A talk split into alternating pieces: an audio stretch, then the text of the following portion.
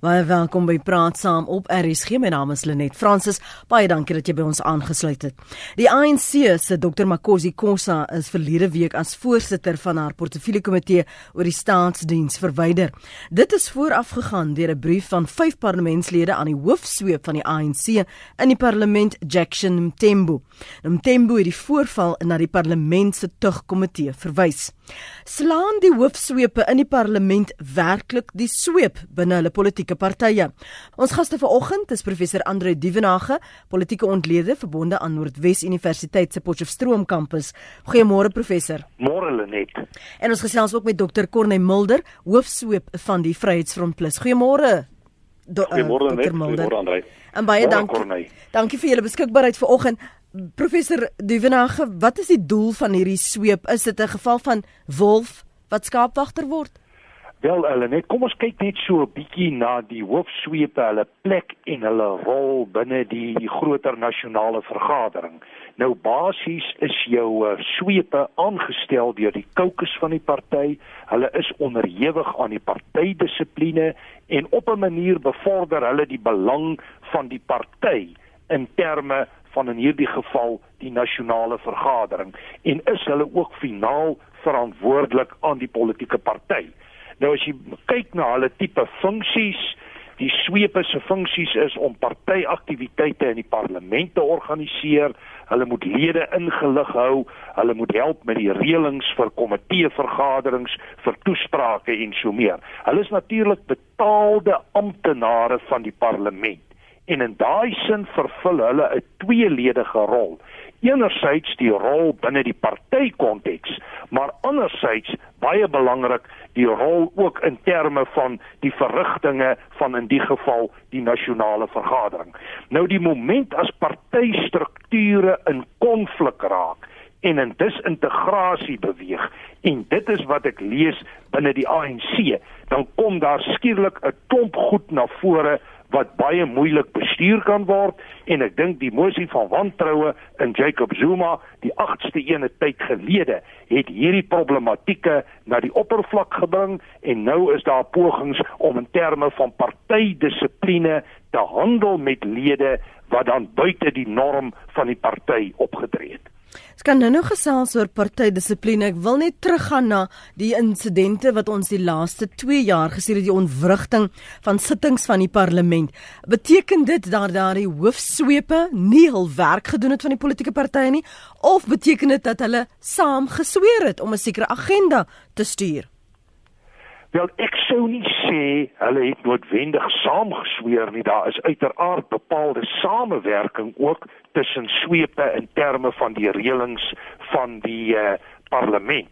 Maar nou soos ek genoem het met die verdeeldheid binne die ANC en spesifiek amper wil ek sê die historiese posisie van Jackson Mthembu wat hom eintlik al krities uitgelaat het teen die president en wat die president doen, het hy 'n redelike konflik van belang moes bestuur. Maar die boodskap van die kokes van die ANC was baie duidelik aan hulle partylede om nie te stem ten gunste van die mosie van wantroue nie, maar om die partylyn te volg en lojaal te staan binne partyverband. Nou daaroor kan mens bepaalde moreel etiese vrae vra ten opsigte van die president se posisie en wat alles daarmee saamgaan, die reg om te stem in terme van jou gewete. Ek weet byvoorbeeld die demokratiese alliansie laat onder sekere omstandighede hulle lede toe om te stem volgens gewete. Maar die kort en die lank is dat hier 'n konflik ontstaan het en dat binne die raamwerk van die konflik het daar bepaalde probleme ontwikkel wat nou op 'n dissiplinêre wyse hanteer word. My indruk is wel dat ons hier met 'n heksejag te maak het waarin jou anti-Zuma individue binne die ANC geïdentifiseer word en in proses is om verwyder te word ten minste van sekere posisies binne die nasionale vergadering soos die voorsitter van 'n komitee of hulle heeltemal die punt gaan bereik om hierdie lede te skors dit is nog 'n oop vraag daar is natuurlik 'n ander dimensie aan hierdie proses en dit is dat Derek Hanekom ook die voorsitter van die dissiplinêre komitee van die ANC was ja. wat 'n tyd gelede versoek het dat meneer Jacob Zuma wel moet uittreë as president van die ANC en as president van die land. So daar is bepaalde konflikte binne die strukture van die ANC. Hmm. Baie dankie dat jy sommer daarna verwys het. Ek waardeer dit uh, en vir ons luisteraars konteks te gee professor Dievenage. En ja, ek dink saamwerk is 'n beter woord. Uh, eh, Dr Milner, kom ons praat oor die rol wat jy dan daar vertolk, miskien ook dan nou raak aan wat die spanning was al dan nie die mate van samewerking wat jy met ander swepe gehad het, um veral binne die oppositie toe ons hierdie verwagtinge gehad het, maar ook die verwysing na die tye wat daar ontwrigting van die EFF byvoorbeeld was. Hoe dit hanteer is en wat jou verantwoordelikheid dan as hoofsweep is dat jy nie deel van hierdie gemaal word nie. Ja, nee, dit is 'n baie interessante onderwerp. Die die swepery van die parlement is 'n ding met 'n baie lang tradisie. Dit kom uit die Britse Westminster stelsel uit.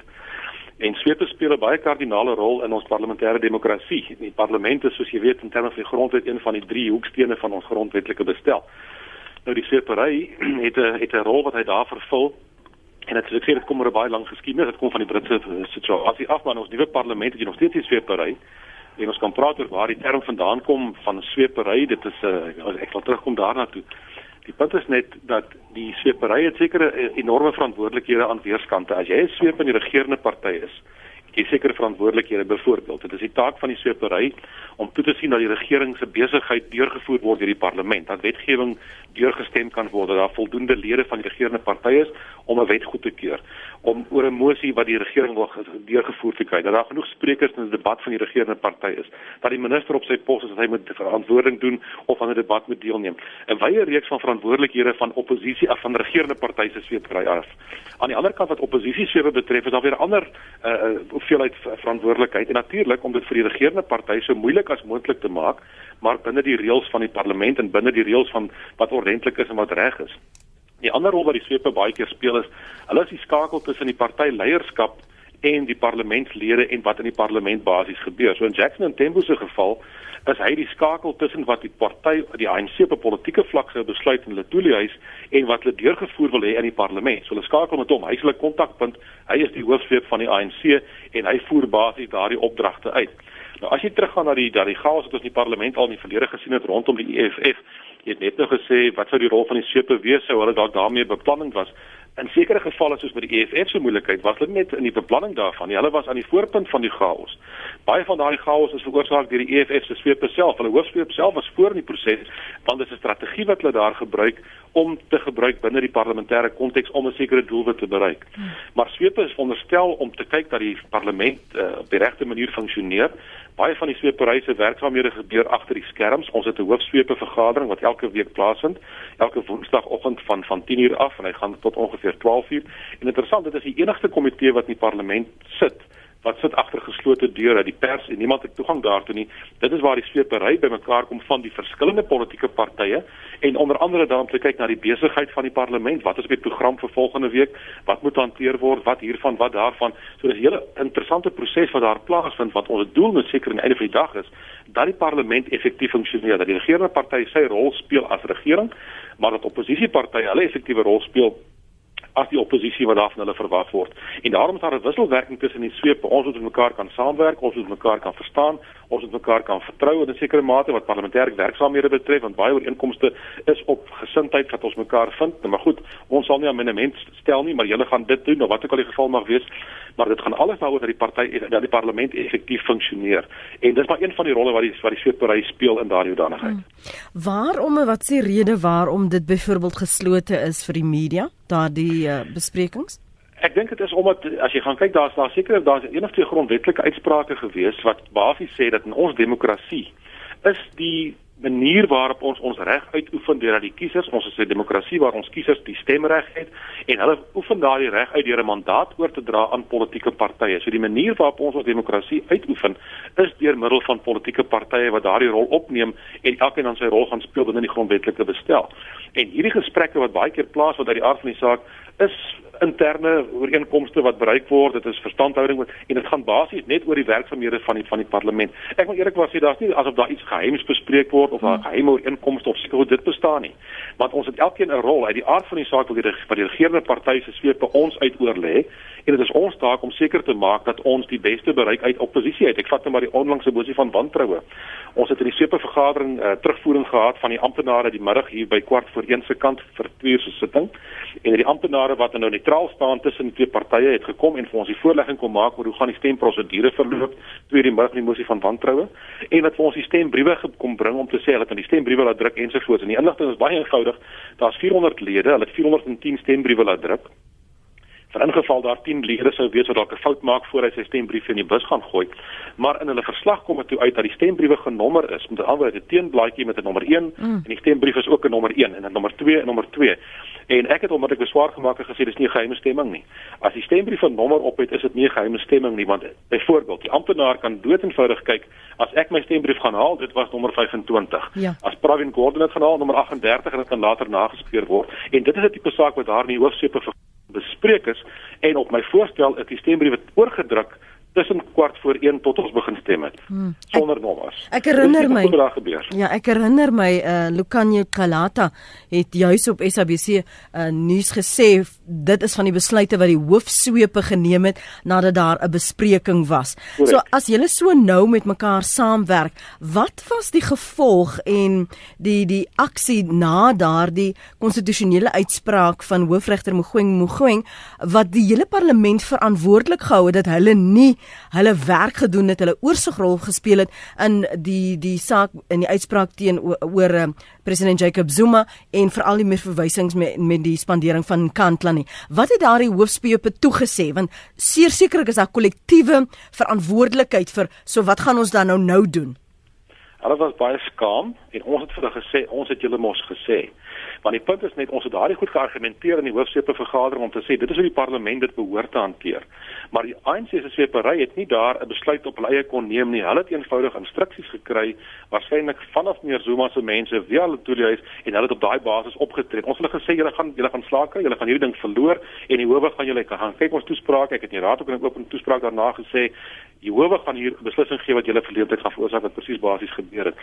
So die sweep in daardie opsig het sekere mag om terme van hoe die parlement moet funksioneer, maar hulle oorkoepelende politieke opdrag kom van dit toelies af. Die ANC se sweep sal nie op hulle eie inisiatief vir dinge in die parlement doen wat hulle nie voor 'n politieke opdrag gekry het van hulle party se politieke strukture nie. Hulle het ook 'n eie interne politieke komitee hier waar politieke amptenare van die ANC aan deel vorm waar politieke besluite geneem word. Hulle gestoei is dan om daardie besluite wat hulle gekry het, opdragte wat hulle gekry het deur die parlement te kry. Dit is ons taak as oppositieswepe om toe te sien dat reg en geregtigheid geskied binne die reëls van die parlement en ons maak dit vir hulle so moeilik as moontlik en ons tree op in belang van oppositie omdat ons wil voorkom dat hulle eenvoudig weghardloop en maak wat hulle basies wil. En dit is 'n skaakspel in daardie opsig dat ons moet kry wat ons wil kry. Hulle moet hulle politieke agendas weer kry. Dis ons taak om te sorg dat dit nie gebeur nie. En ek vat net eenvoudig die die die uh, kwessie van die geheime stem. Ons het alhoor baie jare geargumenteer en gesê daar behoort 'n geheime stem te wees. En die ANC het dit weer enorm weerstand gebied en wou dit nie hê nie, want hulle het 'n politieke instruksie om dit nie toe te laat nie. Dit was 'n enorme stryd tot in die grondwet hof om uiteindelik te kom op die punt dat daar wel 'n geheime stemming is. En ons het geweet en ek het jy kan gaan kyk ek het dit uitgestuur voor die stemming klaar was te sê ons gaan nie wen vandag nie want dit sou was nie realisties om te dink dat die oppositie kon wen nie. Om te kon wen moes elke oppositielid vir die mosie gestem het wat nie gebeur het nie daar was oppositielede nie teenwoordig nie. En dan moes daar nog 'n addisionele 50 ANC-lede ook vir vir die oppositie mosie gestem het wat nie sou gebeur het nie. Want dit was nie die doel wat my betref nie. Die opgeheime stemming is toegelaat wat reg was En wat gebeur het is dat ongeveer 30 ANC parlementslede vir die mosie gestem en natuurlik uit die oppositie oogpunt uit is dit presies wat ek gehad het, daar is nou chaos binne die ANC, almal wantrou mekaar, niemand vertrou mekaar nie en dit is gelukkig hulle probleem. Kom ons praat gou oor die kaliber van hierdie hoofsweepe. Dr Mulder is daar by die Vryheidsfront Plus. Ons weet van Floyd Shivambu ons hoor dikwels van John Steenhuisen is dit mense verkieslik met ervaring, mense wat gesag afdwing, moet hulle noodwendig geloofwaardig wees? Net ja, ek dink ek het vroeër ook genoem dat hulle aanstellings van die parlement is. Hulle is dus nie net gewone lede van die parlement nie. Hulle het 'n besondere posisie en uiteraard word hulle deur hulle kokusse van die betrokke partye aanbeveel en verkies en uh, in daai sin is dit gewoonlik politici met senioriteit, mense met ervaring, dit mense wat leiding moet neem en soos jy reg sê Dit is die mense wat die beplanning doen vir hoe die parlement funksioneer, watter debatte gaan plaasvind, watter strategieë ontvou en ek kan heeltemal verstaan dat dit ook agter geslote deure sal plaasvind, maar want dit is maar soos in enige organisasie waar jy bepaalde beplanning doen agter die skerms. Maar ja, dit is senior politici. Ons kan maar net gaan kyk na die swepe en die hoofswepe verskillende hulle ook in die verlede dit was senior politici mense met invloed en soos Corneille reg aangewys het dit is mense met 'n belangrike funksie in terme van die funksionering van die parlement, die skakeling met die politieke partye en natuurlik ook die gedifferensieerde rolle tussen oppositie sweep aan die een kant en aan die ander kant jou regering sweep wat weer die skakeling het in in, in hierdie geval met Letuli huis en natuurlik met die kabinet en so meer. Kom ons hoor gou wat het Frans op die hart. Goeiemôre Frans. Môre Lenet en jou gaste. Uh nou hoop ek nie ek het nou uitgesny nie. Hallo, is jy daar? Ja, ja, ons luister Frans. Okay. Ek wil vir kon uh, meneer Connie Miller vra as hoofsweep van die oppositie. As hulle nou so as hy nou moet moet kyk na die geskiedenis van Afrika en hoe dinge in Afrika werk, wil ek graag by hom hoor wat is die moontlikheid En ons weet ook dat die ANC wanneer dit by belangrike besluite kom, hulle nie eintlik aan die grondwet steur nie. Wat is die moontlikheid dat Zuma vir 'n derde termyn gaan staan? Ek luister by die radio uh Lenet baie dankie. Goed, dankie daarvoor Frans. Ek gaan dit vir 'n sekond net parkeer. Ek maak 'n aantekening dat ons daaroor kan gesels, uh, Corneille, maar ons wil net terugkeer na die die fokuspunt. Praat oor die verhoudings wat jy het. Is daar goeie samewerking tussen die Jackson Tembu, um uh John Steenhuisen ek ek hoor Frans noem jou sommer nou die hoofsweep van die oppositie. Maar jy is natuurlik by die Vryheidsfront Plus. Dit is maar reg. Kom kom ek stel dit so. Ehm um, daar's 'n goeie samewerking tussen tussen swepe in die parlement. Ons het nie 'n keuse nie, ons moet met mekaar saamwerk. Party daar beklei ons met mekaar dat die rookwolke draai. Dit is ook nodig. En ehm um, veral as daar ooreenkomste bereik word en 'n party gaan terug op sy woord, dit is nie aanvaarbaar nie en dit is nie altyd dit, uh, dit gebeur nie soms nie, maar dit gebeur wel hier en daar. Ons het goeie verhoudinge met mekaar. Ons is individue, ons is mense wat uh, saam moet werk elke dag van ons lewens. En op daai basis werk dit goed. Ons kom goed oorweg. Ons vind mekaar, maar ons weet wel dat daar is 'n baie groter politieke spel agter die skerms waarvan ons nou sekere mate die pionne is wat voorgestoot word om in die geveg die ding te hanteer. En dit is hoe ons dit basies hanteer. Ehm um, daar is nie daar's nie werklike uh, vyandigheid wat dit betref nie sterk verskille bestaan uit die aard van die saak. Ons kom met 'n verskillende werklikheid, verskillende wêrelde uit en ons taak is as oppositieswepe om te kyk dat ons die ANC kry om te faal, want dit is die taak van die oppositie om sodanig op te tree dat ons die steun kry van die kieserspubliek buitekant dat ons die regering van die dag kan word. En die ANC se deur daar se taak is om te kyk dat hy sy beleid en sy dat sy besigheid deur die parlement gevoer kan kry en om die uh, oppositie basies uit die uit die situasie uit te hou. So dit is 'n deurlopende skaakspel op 'n daaglikse basis, maar professor Dievenage is heeltemal reg daar in daardie spel het jy mense nodig as swepe met ervaring. Jy kan nie daar met 'n persoon kom as 'n sweep wat nie ervaring in die parlement het nie, wat nie gesag kan afdwing nie, wat nie statuur het in 'n sekere mate nie en wat sy parlementêre prosedure en reëls op sy vingerpunte moet ken. Jy moet kan op die oomblik kan opstaan en weet hier is 'n probleem, jy moet 'n punt van orde kan vat, jy moet hier 'n ding kan sê en die spreker teregwys of wat ook al die geval mag wees en dit is hoe daardie spel werk.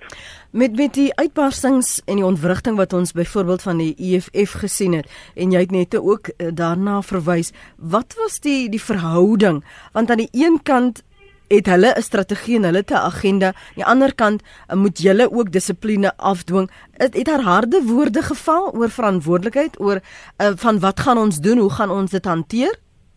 wat meer as harde woorde geval daar het vuiste geval maar wel is waar nie van die swepe onder mekaar nie jy het gesien wat daar basies hmm. gebeur het ek dink die probleem met die EFF is dit Onthou nou die EFF het voor hulle parlement toe gekom het by die eerste keer wat hulle verkies is, het hulle openlik gesê ons gaan na die parlement om die revolusie na die parlement te bring. Bedoelende ons gaan die plek op sy kop omkeer en omdat ons en omdat ons dit wil doen, kan ons ons nie neerlê en gaan ons ons nie neerlê by die reëls van die parlement of die tradisies of gebruike van die parlement nie. En ons het dit nie effektief basies gesien.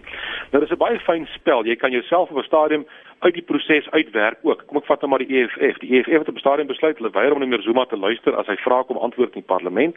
Hulle maak moeilikheid, dan word hulle uitgegooi. Toe het hulle besluit hulle sal nie weer die vraesessie bywoon nie. Nou daar skiet jy jouself in die voet want die vraesessies gaan voort. Die president kom soontoe. Dis 'n geleentheid vir oppositiepartye om tot verantwoording te bring. En as jy nie in die parlement is nie, mis jy daardie geleentheid. Maar daar het harde woorde geval uit die aard van die saak en baie van die probleme wat ontstaan het, is omdat as jy 'n party kry wat En die vraag is, as jy 'n party kry wat ek sê die demokrasie misbruik om die demokrasie te vernietig, moet jy miskien gaan kyk of daar nie 'n groter probleem is nie. Maar hoe is julle verhouding met ehm um, die speaker Baleka en Betty? Uh kon hy want ons hoor net dikwels sy sê ehm um, I do not recognize you. ja, sy doen nogal daai ding. Kom ek sê so die speaker wat my betref was 'n uitstekende speaker. Let wel ek sê was nie is nie, sy was. Sal onthou, sy was die speaker gewees 'n termyn of wat gelede. En toe was sy uitstekende speaker. Daar was 'n baie goeie werkverhouding tussen haar en die sweepery. Kom ek noem 'n voorbeeld. Sy het ten minste een keer 'n maand het ons 'n werksete saam met haar gehad as hoofsweepe in haar kantoor, want dit gaan oor ons moet die parlement maak werk. Ja.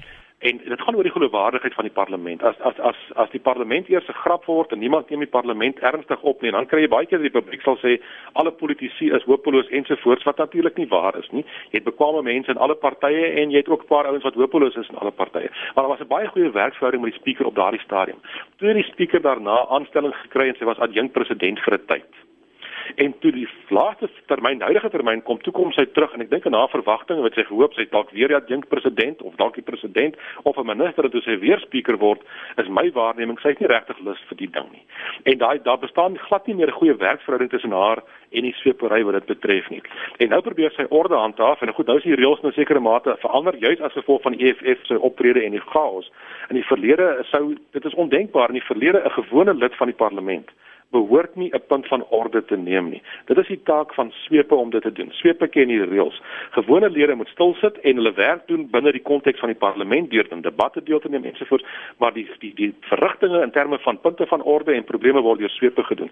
Daardie tradisie is weg. So enige agterbanker in die ANC sal opspring, daar's 'n paar van wat in die muur sit agter wat dink is baie oulik en sommer belaglike punte van orde maak en dit raak totaal buite konteks. Die tweede probleem was dat daar 'n reël wat sê wanneer die spreker praat praat sy alleen, die res moet gaan sit. Dit is geword geïgnoreer deur die EFF en dit word nie meer gedoen nie. Hulle hou aan met praat.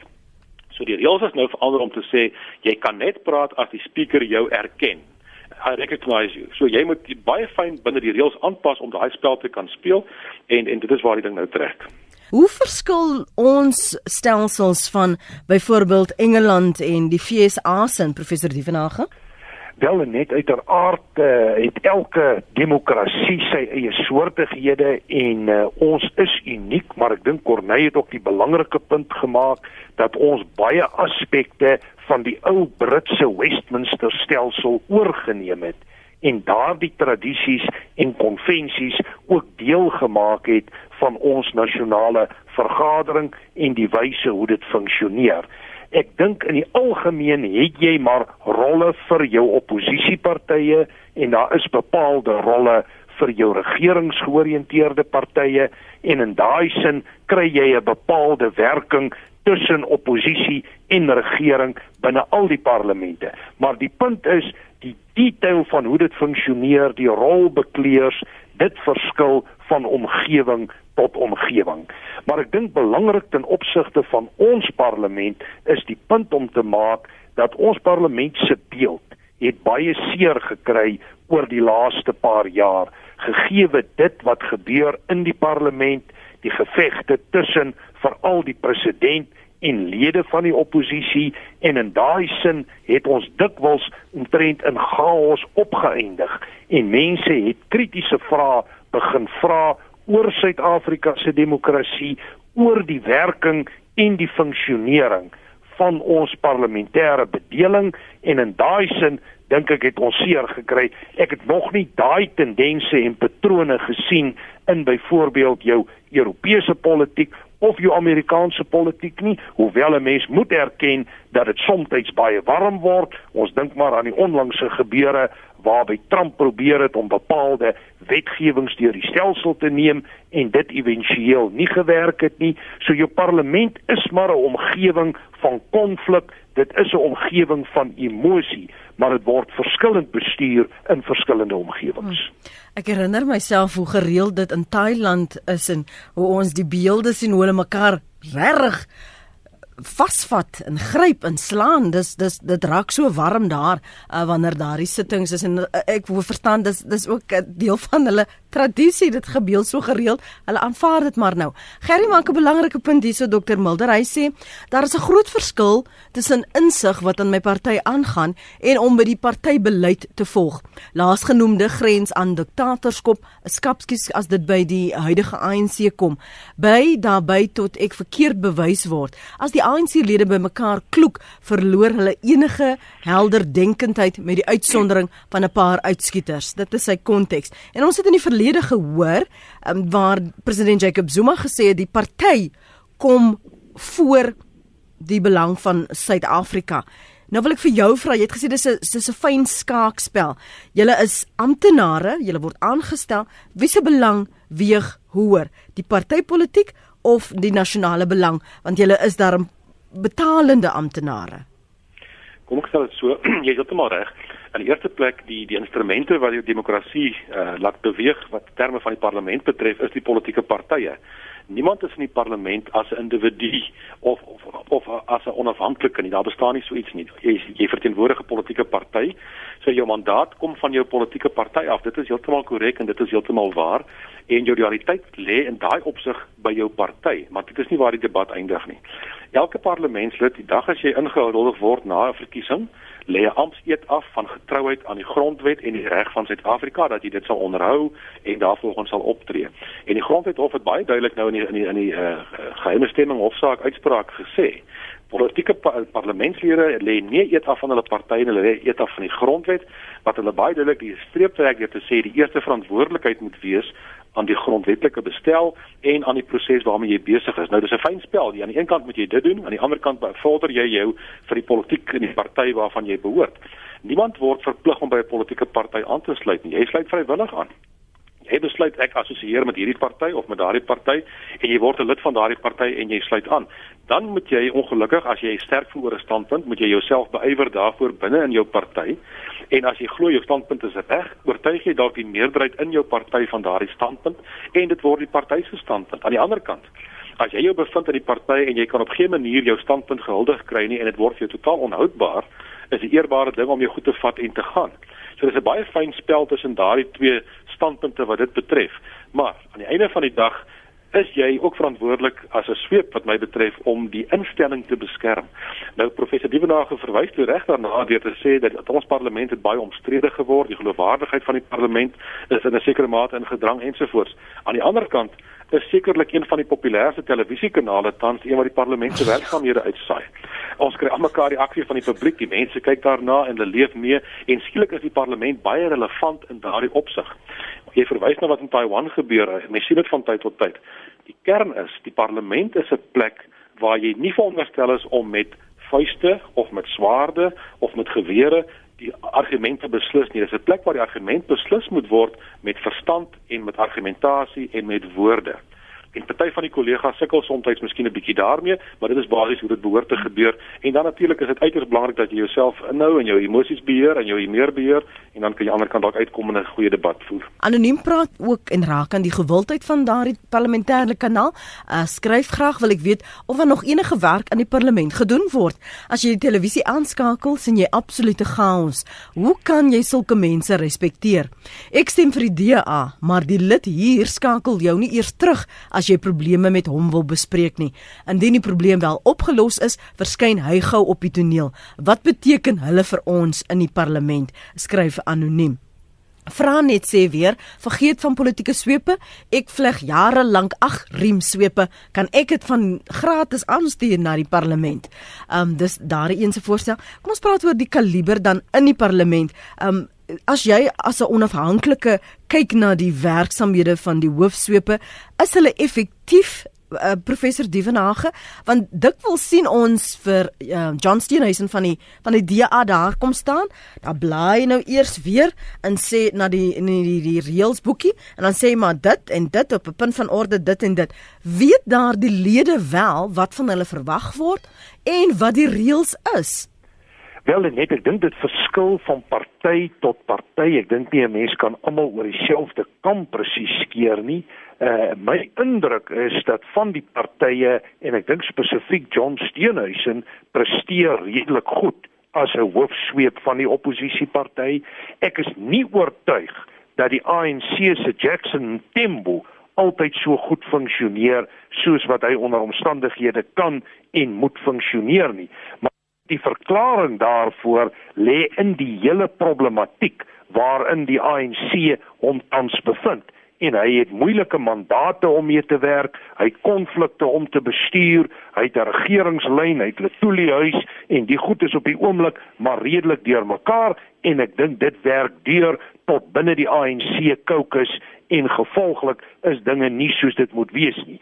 Maar ek dink in die algemeen kan ons sê dat die parlement funksioneer ten minste op 'n sekere vlak. Daar is debatte, daar is diskoerse, mense praat, hulle neem besluite, maar ongelukkig het ons nou die insidente rondom meneer Zuma gesien wat ek dink die beeld van die parlement baie benadeel het, maar in die algemeen is dit steeds 'n werkende struktuur met uitsondering natuurlik al dit waarby die EFF betrokke is wil ek met Corneille heeltemal saamstem. Die EFF funksioneer buite die reëls. Hulle plaas hulle self in 'n posisie waar hulle gaan om te ontwrig en dit kan ons nie bekostig nie. Die parlement het 'n stel reëls, die deelnemers moet funksioneer binne daardie reëls en dis duidelik problematies as 'n party soos die EFF kom en hulle neem letterlik die reg in eie hande. En nou probeer ek nie die argumente wat hulle dryf teen meneer Zuma uh in 'n ander lig plaas nie. Daar's grondige argumente teen meneer Zuma. Die parlement moet dit hanteer, maar binne sy prosesse en binne sy prosedures. So in kort, ek dink die sukses van die swepe is bietjie wisselend. Ek dink die ANC kry op die oomblik redelik swaar. Pieter môre, hou net so vas kon hy. Pieter môre. Goeiemôre. Ehm um, ek het net twee vrae. Een is ehm um, of elke party 'n hoofsweep moet hê, selfs al is daar net een lid in die party in die parlement. En dan ehm um, die, die kommentaar wat iemand nou gemaak het van John Steenhuisen wat baie keer net boekie verwys. Ehm um, ek aanvaar dat die hoofsweepe toegang het tot wat die uh, speaker al genoem het die Hansard wat hmm. ek dink opnames van die parlement is. En ek aanvaar dat wanneer hulle moesies ehm um, uh, opbring dat hulle wel moet seker maak dat die bewoording 100% reg is. Ehm um, want ek dink dit raak 'n reg reg tegniese aspek uh, in die toekoms. Dis my vraag. Dankie. Dankie daarvoor. Uh, Pieter, ons gaan nou uh, hoor wat uh, sê Dr Mulder daarop en dan twee kose. Koos in Durban eers. Hallo? Ja, Koos, praat gerus.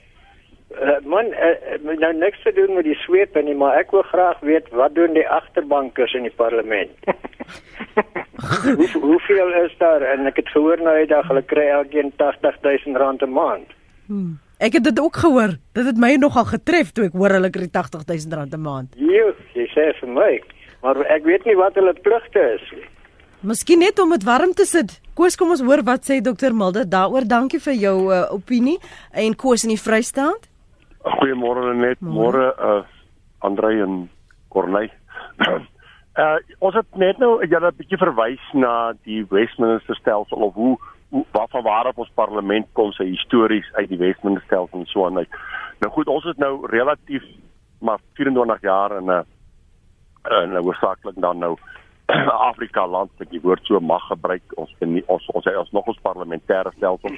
Ek luister wat die mense sê oor die wanorde wat uit. Kan ons 'n parallel trek? Wat is die situasie? Wat het voorbeeld gebeur in ander Afrika lande wat ook hulle hulle hulle uh, parlement aanvanklik op die Westminster stelsel gebaseer het, miskien met al die prosedures, die sweep en alles. Hoe lyk dit nou daar? Is is is is daar meer orde in daai parlement of in daai parlemente so sê nou maar in Zambië of in Kenia of in Zimbabwe of wat? Of het hulle baie aanpassings gemaak om meer aan te pas om meer te Afrikaniseer as ek so kan sê want ons hoor mos nog elke slag wat ons eie regering sê by die ANC duidelik dat verstaan ons is van Afrika en ons wil goed doen soos in Afrika. Voorsien ons dat ons parlementêre prosedure en reëls dan ook gaan aanpas om meer Afrika Afrika te wees as wat dit Wesminister is as jy my vra. Absoluut verstaan ons dit. Ja, ek weet waarna jy verwys. Ek dink ons gaste ook. Ons gaan vir uh, professor Dievenage net nou daai uh, kans gee om daarop te reageer koes in die Vrystaat. Maar kom ons praat oor die uh, punte wat Pieter uh, genoem het oor Hansard en of jy dit konsulteer, jy weer daarna gaan luister, veral wanneer hulle terugverwys uh, of mosies op op die uh, hofrol wil plaas. Kom kom ek stel so net as ek by Pieter kan begin het. Eers gevra of elke party 'n hoofspeler het. Die mm -hmm. antwoord is nee ehm um, van die kleiner partye wat hulle verwys het met een lid of so word saamgegroepeer. Dan sal sal drie of vier partye saamgegroepeer wees en hulle kies onder mekaar een persoon wat optree as hoofsweep vir daardie partye en hulle belange basies omsien. So dis basies hoe die stelsel werk. Dan wat die reëls betref, meer as een luisteraar verwys na die uh, swepe wat tydjie die reëlboek uithaal ensovoorts. Ehm um, ek doen dit ook, John Steenhuisen doen dit van ons doen dit in die rede is baie eenvoudig in die verlede wat nou tans gebeur is dat die EFF spesifiek sal opspring en sommer sê 'n punt van orde wat nie 'n punt van orde is nie. En die reëls is nou verander deur te sê dat as 'n lid opstaan om 'n punt van orde te vat, moet hy onmiddellik sê in terme van watter reël staan hy op. Nou as jy na die reëls van die parlement kyk, daar's 363 hoofreëls en elke reël het 'n klomp onderafdelings.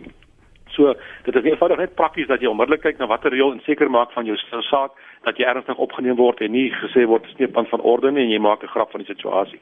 Dit is maar basies kom die reëlboek gebruik. Wat Koos van Durban betref oor die agterbankers, ek het groot geword in 'n politieke huis, soos jy dalk weet. Hmm. My pa was in die parlement vir baie jare en die ou daardie manne gespot en gesê 'n agterbanker, die werk die werk van 'n agterbanker is om stil te bly en pepermente aan te gee vir die voorbankers. Maar dit is dan nie waar nie. Dit glad nie waar nie. In die parlement van vandag is daar 400 lede om 'n idee te gee. Vir elke parlementslid wat verkies word vandag stem daar amper 50000 mense. Die kwota is bietjie laer gewees laas, maar jy maak loftes vol of jy maak Nieuweland vol met mense wat almal een keer stem want een lid verteenwoordig. So elke parlementslid verteenwoordig ongeveer soveel mense se belange. En 'n groot deel van die parlementêre werk is nie wat gesien word op televisie in die debatte nie. Die hoofparlementêre werk vind plaas in die komitees. Daar is baie baie komitees oor die 40 parlementêre komitees. So agterbankers het almal verantwoordelikheid wat hy 'n lid is wat hy dien op 'n portefeulje komitee en daardie komitee is verantwoordelik vir wetgewing in daardie departement, vir oorsig van die begroting, van oorsig oor die minister en vir vir die regerende partye met groot getalle moet dit nogal lekker wees dat as jy 'n lid is, 'n agterbanker is, het jy net een verpligting. In oppositiegeleedere waar ons minder is, het elke oppositieparlementslid baie meer as een verpligting en verskillende rolle wat basies vertolk moet word op daardie basis. So agterbankers sit agter uit die aard van saak. Hulle praat minder want hulle kry minder spreekgeleentheid miskien, maar hulle het ook 'n verantwoordelikheid om hulle werk te doen binne die parlement en binne hulle party in daardie verband. Die voting kettle sê Hans van Elgin agterbankers is voting kettle. Um die ander luisteraar Gabes, lyk dit my is jou naam? Die oppositie swepe beteken sweet all. Seker sweet all bugger roll, né? Die ANC steur hulle aan niks.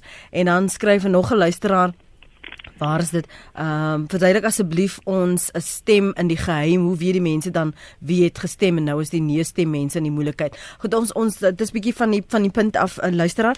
Kom ons gaan terug na wat Koos in die Vrystaat wou weet oor hoe kan ons in in in essensie Afrika Parlement wees um sonder die persepsie dat daar nie reëls is nie. Uh, professor Dievenage Wel net is eintlik 'n moeilike vraag om te beantwoord want 'n mens moet baie spesifiek wees. Ek gaan net 'n paar breë tendense identifiseer.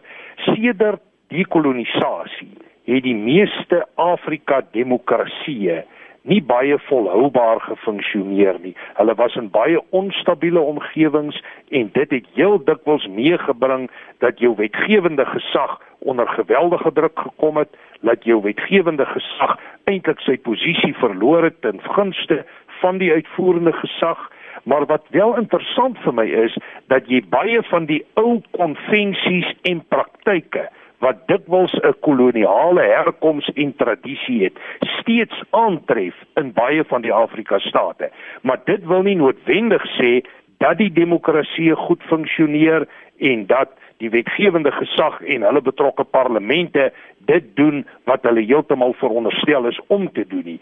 My indruk is dat die politieke onstabiliteit dikwels die vlakke aangeneem het waar jou uitvoerende gesag homself amper in 'n superposisie plaas in die politiek van daardie betrokke staat.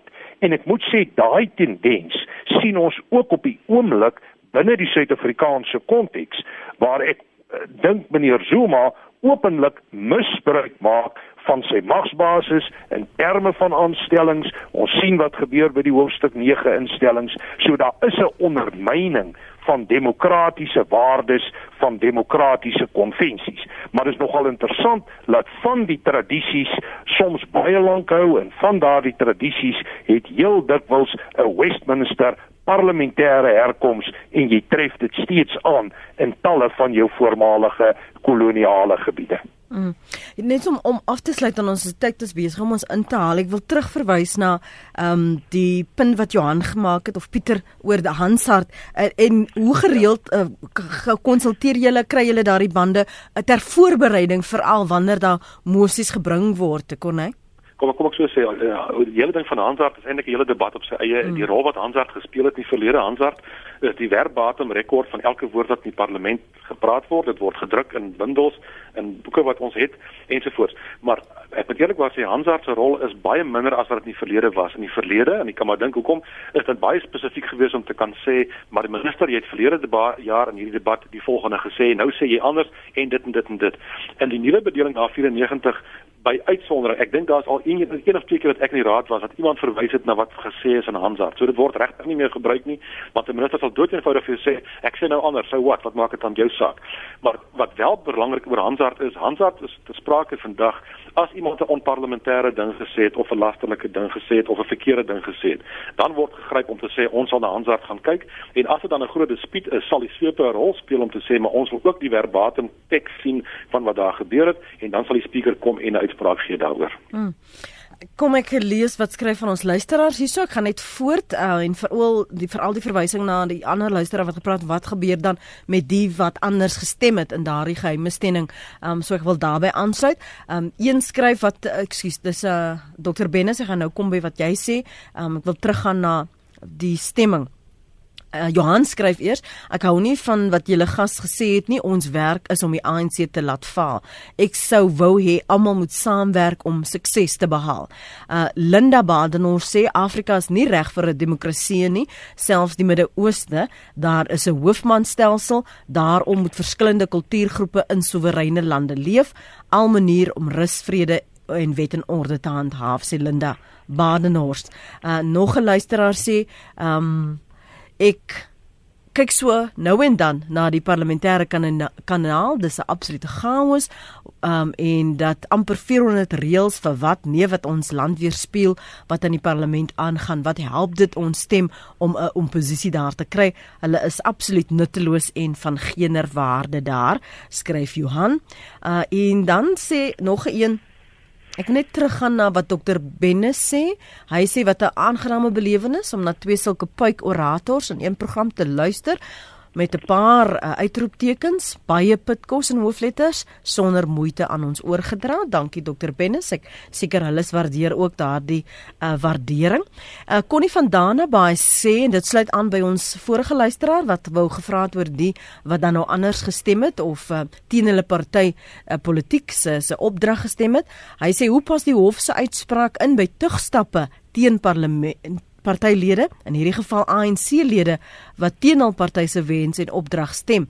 In die hofuitspraak met die besluit rakende die mosie van wantroue is dit duidelik gestel dat partylede se lojaliteit aan die grondwet is en nie aan hulle party nie. Ek glo indien van die ANC-lede afgedank word of enige stappe teen hulle ingestel word, die howe genader kan word om dit teen te staan. Is sekerlik ook 'n gesprek op die oomblik Dr Mulder? Ja, heeltemal reg. Kom ek ek wil vinnig net reageer op 'n paar goetertjies. Mm -hmm. Daar's 'n paar van die luisteraars wat nou gereageer en gesê die oppositie en die sweepery beteken niks. Ek verskil dramaties daarvan wat my betref en ek praat ek nie uit 'n partytetiese oogpunt. Ek dink die ANC is in groot moeilikheid. Het dit van self gebeur? Nee, dit het nie van self gebeur nie. Dit gebeur deurdat die oppositie met mekaar saamwerk en agter die skerms koördineer en strategies slim te werk gaan. Ek vat net maar die hele kwessie van die geheime stemming. Dit is chaos tans binne die ANC omdat hulle wil weet wie waar gestem en my vraag aan die ANC is baie eenvoudig. Wat verstaan julle nie van geheime stemming nie? 'n Geheime stemming beteken die stem van die persoon is geheim en hoef dit aan niemand te openbaar nie. Jy kan nie basies teen hom op daai manier optree nie. En dit is basies hoe dit hoe dit behoort te wees. Kom ons sluit af en uh, sluit af met een van ons luisteraars wat uh, ook reageer en vir jou vra dan uh, dokter ekskuus professor uh, Dievenage is daar hoop vir die werk wat ons sien hoe herstel ons jy hoor die kommentaar van ons luisteraars hoor stel ons die vertroue wat die publiek het in wat die werk van die hoofsweepe en ons parlementêre lede is.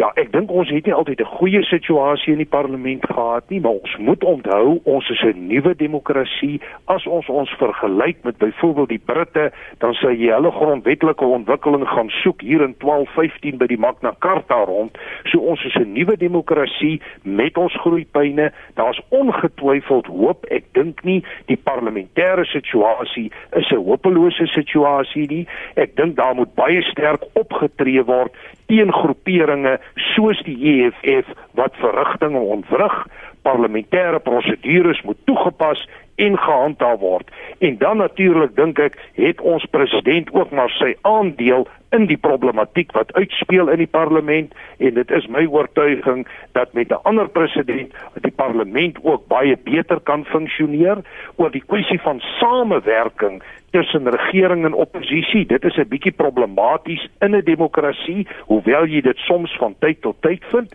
maar ek dink nie dat oppositiepartye noodwendig sleg presteer nie. Ek dink hulle doen 'n belangrike rol in terme van hulle grootte in die parlement wat ek wel 'n bietjie as 'n probleem sien. Ek dink nie hulle volg altyd die beste en die regte strategie in terme van die probleme in die ANC ten opsigte van meneer Zuma nie. Ek dink die DA speel dikwels te sterk en hulle moet 'n sagter rol speel wat waarskynlik groter effektiwiteit kan meebring en dalk éventueel kan bydra dat meneer Zuma vervang word as president. So verskil 'n bietjie strategies, maar dis hoe 'n parlement funksioneer en ek dink nie hy funksioneer noodwendig sleg vir 'n nuwe demokrasie nie. Baie dankie professor Andre Dievenage, politieke ontleder verbonde aan Noordwes Universiteit se Potchefstroom kampus en ook dokter Corne Mulder, hoofsweep van die Vryheidsfront Plus vir die insigte wat julle vanoggend met ons luisteraars gedeel het. On die proses vir ons opgevoed het. Nou verstaan ons ook dit baie baie beter. So baie dankie ook vir die luisteraars vir daardie insig wat julle vanoggend gedeel het.